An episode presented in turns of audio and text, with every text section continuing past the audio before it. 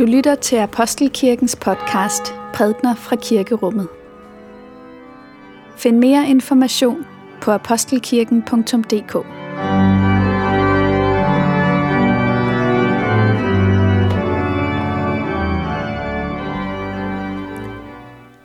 Denne hellige lektie skrives i 5. Mosebog. Moses sagde til hele Israel, Det, jeg i dag befaler dig, er der hverken ufatteligt eller fjernt. Det er ikke i himlen, som man måtte sige, hvem vil stige op til himlen og hente det ned til os og forkynde det for os, så vi kan følge det.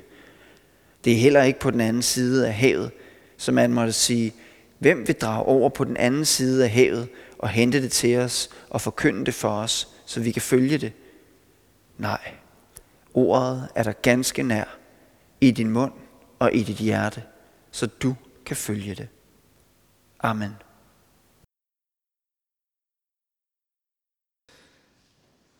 Dette hellige evangelium skriver evangelisten Matthæus. Jesus sagde, Hvis jeres retfærdighed ikke langt overgår de skriftkloges og farisæernes, kommer I slet ikke ind i himmeriget. I har hørt, at der er sagt til de gamle, du må ikke begå drab, og den, der begår drab, skal kendes skyldig for domstolen. Men jeg siger jer, en hver, som bliver vred på sin bror, skal kendes skyldig af dom, domstolen. Den, der siger raka til sin bror, skal kendes skyldig af det store råd. Den, der siger tåbe, skal dømmes til helvedes ild. Når du derfor bringer din gave til alderet, og der kommer i tanke om, at din bror har noget mod dig, så lad din gave blive ved alderet og gå først hen og forlige dig med din bror. Så kan du komme og bringe din gave. Skynd dig at blive enig med din modpart, mens du er på vej sammen med ham, så din modpart ikke overgiver sig til dommeren, og dommeren igen til fangevogteren, og du kastes i fængsel. Sandelig siger jeg dig, du slipper ikke ud derfra, før du har betalt den sidste øre. Amen. Lad os bede. Må min munds ord og vores hjerters tanker være dig til behag, Gud. Amen. Ja, så vi har læst nogle ord af Jesus, hvor i han advarer os mod vrede. Han advarer os mod den plads, som vreden får i vores liv. Mod det, som den gør i vores relationer. Han siger til os, pas på, at vreden ikke bliver din skæbne. Og øh, teksten er hentet ud af en sammenhæng, nemlig Jesu bjergprædiken. Og Jesu bjergprædiken, det er jo de tre kapitler i Matteus evangeliet, hvor han sådan udvikler, hvad skal man sige, den livsform, som han har bragt til verden med sit evangelium. Og øh, en del af bjergprædiken er det, vi kalder, man kalder antiteserne, hvor han citerer forskellige bud fra det gamle testamente og farisæernes udlægning af dem. Og så siger han, I har hørt, der er sagt, men jeg siger jer. Altså, I har hørt, der er sagt, du må ikke bryde ægteskabet, men jeg siger, at hvis du kaster et lysten blik på en anden mands hustru, så har du allerede begået hår med hende i dit hjerte. Jeg hører, der sagt, du skal mm, holde, hvad du sværger, men jeg siger, at I skal overhovedet ikke sværge. Og så i dagens tekst, jeg hørt der sagt, I må ikke slå ihjel, men jeg siger ja. Hvis du bliver vred på din bror, hvis du kalder ham tåbe, raka, så har du allerede overtrådt det bud og er blevet strafskyldig. Så det er jo helt klart en, øh, hvad skal man sige, en radikalisering, en skærpelse af det, som man naturligt vil forstå i budet om, at vi må ikke slå ihjel. Så lad os, øh, lad os overveje, hvad der ligger i det. At vrede altså er en form for drab. For et par uger siden, så talte jeg med en mand, der fortalte, at han, havde, øh, han bor i Roskilde og skulle til København på vej til arbejde, lige myldretiden. Og han stiger ind på det her tog. Der er ikke sæder. Toget er tæt pakket. Folk står som sild i en tønde i forgangen. Og så lige inden dørene lukker, så er der en mand, der træder ind i vognen. Han er hjemløs, formodentlig psykisk syg. Han har ikke været i bad i 10 år. Han har ikke skiftet underbukser i 20 år sagde manden der. Men han stank. Og min bekendte, som fortalte den her historie, han fortalte, at stanken sad mig i næseborene to dage efter. Her er en situation. Folk står tæt pakket. Der er allerede et element af irritation over det. Øhm, folk er på vej til arbejde. Tingene skal ligesom fungere. Og så det her menneske, der træder ind. Og døren er lukket, og nu vil jeg altså henvise til hinanden i de næste 15 minutter, indtil vi når Højtoster. Hvor lang tid det nu tager. Og, og, og min bekendte, han fortalte, hvordan at man med det samme mærkede den her mekanisme opslå, opstå i det her lille rum. Huha. Hvad laver han her? Altså, en form for udstødningsmekanisme. Der blev ikke talt vrede ord imod ham. Dertil var man endnu ikke kommet. Der blev heller ikke slået på ham. Men man kunne ligesom fornemme den her mekanisme begynde at, at røre på sig i den forsamling, der stod der tæt pakket. Så sker der det, at en af dem, der står ham nærmest inde i forvognen der, giver sig i samtale med ham. Og øh, i de 15 minutter, eller hvor meget det er, de står sammen der, så udvikler der sig en meget meningsfuld samtale mellem to passagerer. Og øhm, det er som om, at den samtale giver denne hjemløse en menneskelighed, som gruppen var ved at fratage ham. Ikke? Lige pludselig, så fornemmer de alle sammen, for alle der tilhører til den her samtale, at det menneske, som er trådt ind i vores kreds, ikke bare er en stinkende original, som vi helst vil være foruden, men faktisk er et menneske, som bærer på en historie, som har gjort sig nogle tanker, som har en erfaring af at være menneske, som vi deler med ham. Hvad skete der i det her øjeblik? Der skete jo det, at der var, der var et menneske, som formåede at holde vreden tilbage. Den kollektive vrede, den kollektive udstødelse, den vrede, som i sidste ende slår ihjel. Jeg hørte engang en mand forklare, hvordan sker øh, folkemord? Og han sagde, at mekanismen er egentlig ganske enkel. Det starter med, at du fratager et menneske eller en gruppe af mennesker deres menneskelighed. Og derefter kan du slå dem ihjel uden at begå mord. Det er den mekanisme, der var ved at udfolde sig der i det lille, tæt pakkede rum på vej fra Roskilde station til Høje Tostrup person. At et menneske, der var trådt ind i kredsen, ligesom var i en proces, hvor han var ved at blive frakendt sin menneskelighed og bare blive sådan en. Men samtalen bragte ham ind i fællesskabet igen. Nåden, hun er kongeblod. Det var det, som den her mand, der gav sig i samtale med ham, demonstrerede der. Nej, det er et medmenneske, vi har med at gøre. Øh, øh, og det viser han gennem samtalen. Vreden er en stærk magt, og den er forbundet med, den er i sin kerne forbundet med det femte bud, med det at ville tage livet af et andet menneske. Det kan ske på mange forskellige måder. Det kan også ske derved, at man har et ideal om, hvordan et andet menneske skal være. Og når det menneske ikke lever op til ens ideal, så bliver man vred. Hvad er det for en mekanisme? Det er i virkeligheden, at man ikke accepterer det menneske, som det er. Man har en anden, som man synes, det skal være. Og nu skal man ligesom skille sig af med den person, som står foran mig her, og gøre, og, og i stedet for det her idealbillede frem. Nogle af os, som er samlet her i dag, var på øh, lejr for farsitalende på, i Hillerød øh, for et par uger siden. Fantastisk lejr. I kommer til at høre mere fra den menighed i de kommende søndage, er jeg sikker på. Der havde vi, øh, ud over de, jeg tror 185, som vi var afsted øh, øh, sammen, så var der altså en taler med, som hed Wayman Howard. Han delte fra sit eget liv. Øhm, og det handlede meget om vrede og kærlighed. Og en af fortællingerne, han delte, det var fortællingen om, hvordan han var i skilsmisse med sin kone. De havde haft et konfliktfuldt ægteskab, og det var endt med, at hun var flyttet fra ham. Og hun siger til ham, jeg har altså fundet en anden mand, som jeg nu bor sammen med. Han var knust. Han kunne ikke fatte, hvordan det her skulle ske for ham. Og han gik ind i en form for selvbesindelse, en indre rensagelse. Og han nåede frem til at få afklaret, at det han skulle gøre, det var, Jeg skal sætte hende fri af mine forventninger. Jeg skal sætte hende fri af mine forventninger. Ligesom om han erkendte, at en, en del af det her øh, konflikt, der var opstået mellem ham og hans kone, det var, at han havde et billede af, hvordan hun skulle være. Det var det, der var formuleret i hans forventninger. Når hun ikke levede op til det, så var hans reaktion vrede. Og vreden, ja, det var hans måde at skille sig af med sin virkelige kone på, i håb om at få sit idealbillede af en kone.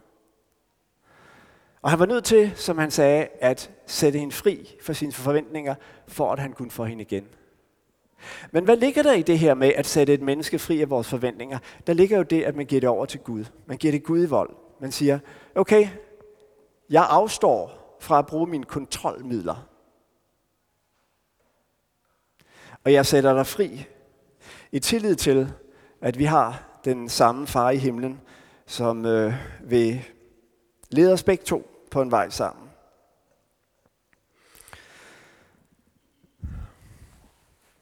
Så der er mange måder, hvorpå vreden i virkeligheden kan være et udtryk for, at vi, vil, vi forsøger at skille os af med et andet menneske. Så kan man sige, men er vrede ikke også berettiget? Og jo, vrede kan være berettiget. Altså noget, noget af det mest forfærdelige, når man hører beretninger om, om børn, der har været udsat for seksuelle overgreb, det er, når de fortæller. Altså, det aller værste, det var i virkeligheden ikke ham, der begik overgrebet, men det var hende, der så til uden at gøre noget. Ikke? Hun skulle være blevet vred. Hun skulle have handlet, men hun fik det ikke gjort. Og fordi hun ikke ligesom mobiliserede det her indre sprængstof og kom på banen og sagde nej, så fik tingene bare lov til at fortsætte. Der findes en, en, en vrede, som er destruktiv. Der findes også en, en, en vrede, som er berettiget og faktisk nødvendig. Hvor vi vil faktisk synde, hvis vi ikke vredes, når vi ser overgreb blive begået mod andre mennesker. Men den vrede, Jesus taler om her i dagens tekst, og det, det er nok også den vrede, som jeg tror, mange af os må indrømme, måske er den, der er mest øh, hyppig i vores sind. Det er den vrede, der ikke har at gøre med overgreb gjort mod et andet menneske, men har at gøre med, at vi bliver såret i vores eget indre selvbillede. Øhm, I anden del af teksten, der øh, taler Jesus om, hvordan den her øh, vrede i virkeligheden også har at gøre med vores forhold til Gud. Han siger, når du går hen i templet for at bringe et offer, altså jødernes tempel i Jerusalem, det er ligesom den setting, der oprindeligt er sat i. Ikke? Også? Og du går op til alderet, og du vil bringe et offer til Gud. Og på vejen derop, så kommer du i tanke om, at der er et menneske, der har noget imod dig. Altså, du har gjort noget ved et andet menneske, som har forårsaget dette menneskes vrede. Det er jo så ikke din vrede mod det menneske, det er det menneskes berettigede vrede mod dig. Så siger han, så lad dit, din gave ligge og gå tilbage til det menneske og blive forligt med ham. Nu tror jeg, vi må indrømme, at der, der, der, der kan meget let være visse praktiske øh, komplikationer forbundet med den øh, proces, som Jesus beskriver der. Altså, og jeg, jeg, jeg, sådan som jeg fortolker det, så er det måske i virkeligheden en mental rejse, vi først og fremmest skal forstå, at Jesus opfordrer os til at tage. Altså når du kommer i kirke om søndagen, og øh, synger lovsange, lytter til Guds ord, knæler ned og modtager Herrens lame og blod. Hvis du da bliver mindet om, at der er et menneske, du har gjort uret. Ja, så brug øjeblikket til at tale et par ord med Gud om det menneske. Til for eksempel i dit stille sind at sige, Gud, jeg ser nu, at jeg gjort et menneske uret. Og jeg ønsker, at jeg vil kunne gøre det godt igen. Vis mig vejen. Og det kan godt være, at vejen den er at gå hen og sige undskyld. Det er det i nogle tilfælde. En, en, en, en undskyldning kan være kan bringe vidunderlig lægedom med sig, men i andre tilfælde, der kan en undskyldning bare gøre ting meget mere kompliceret. Og der er det, der skal til, måske i virkeligheden tålmodig venlighed.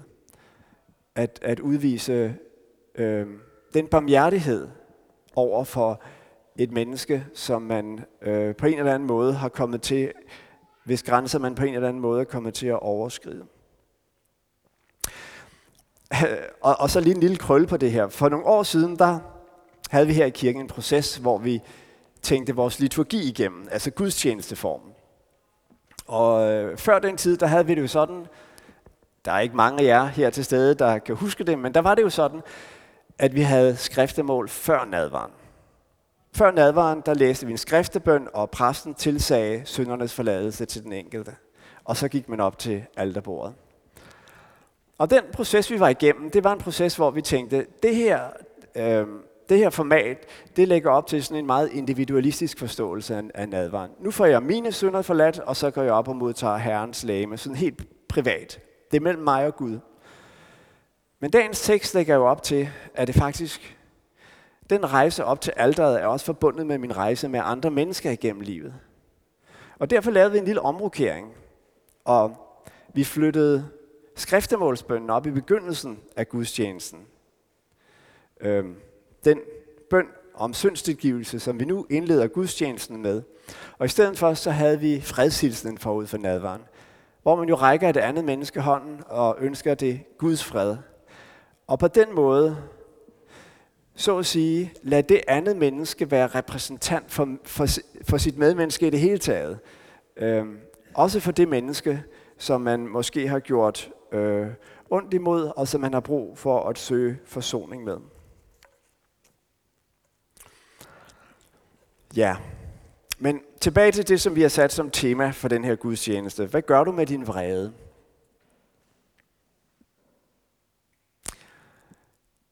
Og jeg kunne tænke mig at give tre råd. Tre skridt, som man kan tage, når man øh, har vrede i sit liv. Og det første skridt, det er at blive opmærksom og indrømme, at man er vred. Og det kan faktisk i sig selv være et hårdt arbejde, for vreden har det med at skjule sig. Jeg er ikke vred, jeg er bare skuffet. Eller, jeg er ikke vred, jeg er bare den type, der siger sandheden, som den er. Eller, jeg er ikke vred, jeg er bare engageret, aktivistisk osv. Og nogle gange så er det faktisk et stykke arbejde at komme derhen, hvor vi indrømmer, det er vreden, der lige i øjeblikket er brændstof for det, jeg gør. Øhm, i, i, I den evangelietekst, vi har læst, der knytter Jesus som sagt altså vrede til drab. Han siger, det er ikke altid, at du begår mor, men altså hvis du siger, du dårer eller taler nedgørende om et andet menneske, ja, så er det i virkeligheden en form for sindets øh, overgreb mod det menneske. Men det er ikke engang sikkert, at du får sagt, din idiot. Det kan være, at du viser det gennem dit ansigtsudtryk, gennem dit kropsholdning osv. Og det er heller ikke engang sikkert, at du får vist det. Måske bliver det fuldstændig internt. Det er inde i dit sind. Andre formår ikke at aflæse det, men vreden har taget bolig derinde. Måske i form af en form for irritabilitet. Og så kan man sige, jamen altså, det er da så meget bedre, at den er internaliseret, end at den ytrer sig i form af mor eller skænderi eller øh, nedgørelse på anden måde. Ja, i en vis forstand, og i en anden forstand, så er vreden netop farlig, når den gøres usynlig. Altså, vreden kan være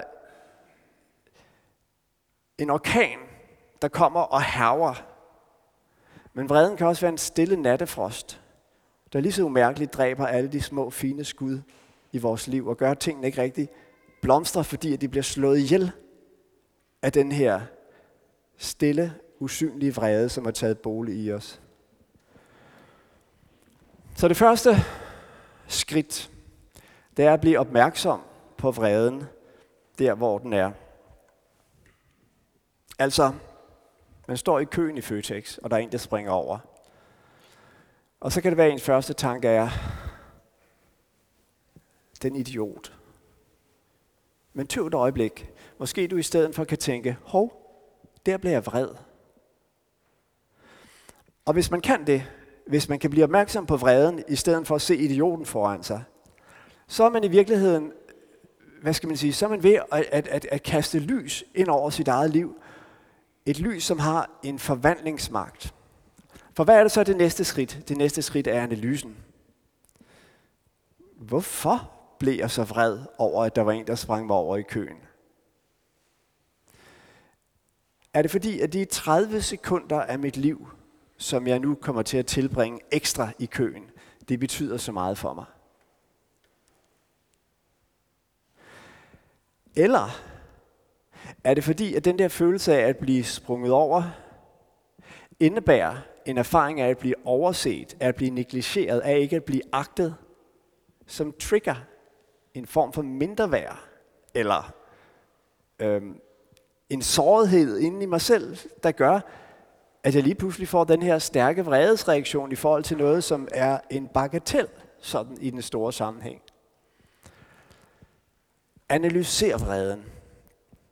Bliv opmærksom på den og analyser den. Og i den analyse, der kan også indgå en vurdering af, altså hvad kan jeg gøre ved det her? Jeg hørte engang Erik Adrian fra Vesterfængsel fortælle om en samtale, han har haft med en indsat, som fortalte, at jeg er nået dertil, at når jeg ligesom tænker mit liv igennem, så, så har jeg ligesom to indre bokse. I den ene kasse, der lægger jeg alt det, jeg kan gøre noget ved. I den anden kasse lægger jeg det, jeg ikke kan gøre noget ved. Og øh, det, jeg ikke kan gøre noget ved, det må jeg bare lægge der. Der er ingen grund til at prøve at tage det op igen, for jeg kan ikke gøre noget ved det. Det, jeg kan gøre noget ved, der må jeg så ligesom vurdere, hvad er det så, jeg kan gøre, og er det det, jeg skal gøre? Altså, skal jeg gå hen og prikke den mand på skulderen og sige, du sprang mig over? Vil jeg kunne gøre det på en måde, så at, hvad skal man sige, at den her episode ikke får et format, som er ude af proportioner, vil jeg kunne gøre det på en måde, som måske er retvisende, starren, konfronterende osv. Alle, alle de ting må man ligesom øh, øh, øh, prøve at tænke realistisk igennem. Og så den tredje skridt, som på en måde er det, det vanskeligt og åndeligt betragtet vigtigste, og det er der, hvor forvandlingen virkelig sker, det er at overlade din vrede til Gud. Altså, at have den tillid til, at vi har en Gud, der ser os, og ser til bunds i os. Og det menneske ser både mig og mit medmenneske. Så jeg overlader det til ham at dømme og at vredes. Nu ved jeg godt, at den her tanke om, at Gud bliver vred, den er, hvad skal man sige, lidt op ad bakke. Er, er, for mange vil, vil, vil man sige, jamen altså, jeg tror på en kærlig Gud, ikke på en vred Gud. Men stand sig i den gang. Findes der kærlighed uden vrede? Altså, for nu at vende tilbage til situationen, er det ikke netop et udtryk på manglende kærlighed, at den kvinde, som bevidner et overgreb mod et barn, ikke træder i karakter og konfronterer og gør noget ved det? Det er den form for vrede, som findes i Gud. Vrede mod alt det, som lægger livet øde. At lægge vores vrede over til Gud, det er en tillidssag. Og det har at gøre med en tillid til, at Gud og han alene er hjertekenderen. Og at for ham skal vi alle engang træde frem og aflægge regnskab for vores liv. Det var dybest set det, Wayman Howard gjorde, da han satte sin kone fri fra sine forventninger. Han slap hende ikke bare fri, han lagde hende over til Gud og sagde, Gud, hun er dit barn, ligesom jeg er det. Øh, vil du nu lede os? Og dermed gav han slip på kontrollen og skabte mulighed for på ny at kunne nærme sig hinanden i tillid. Og dybest set så handler det her om at lade Gud være Gud og nøjes med at være menneske. Det er Gud, det tilkommer at vredes og at dømme, ikke os. Og når vi lægger vores vrede og vores trang til at dømme over til ham, ja, der kan det ske, at vores landskab, vores indre have, ikke længere hjemsøges af den nette, nattefrost, der lægger de nye skud øde, og heller ikke af den orkan, der jævner alting med jorden. Men at vi kan få lov at erfare det, som vi sang om for lidt siden, at nåden, hun er kongeblod, at den barmhjertighed, som vi er blevet vist, at den skaber liv og muligheder og får ting til at blomstre omkring os. Og kære himmelske far, så beder vi dig om, at du vil hjælpe os til at leve sådan, at vores liv ikke lægges øde af vrede.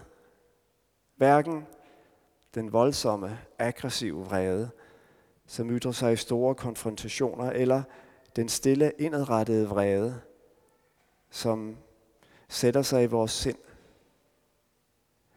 Hjælp os til at overgive os selv og vores uafsluttede affære og opgør med andre mennesker i din hånd.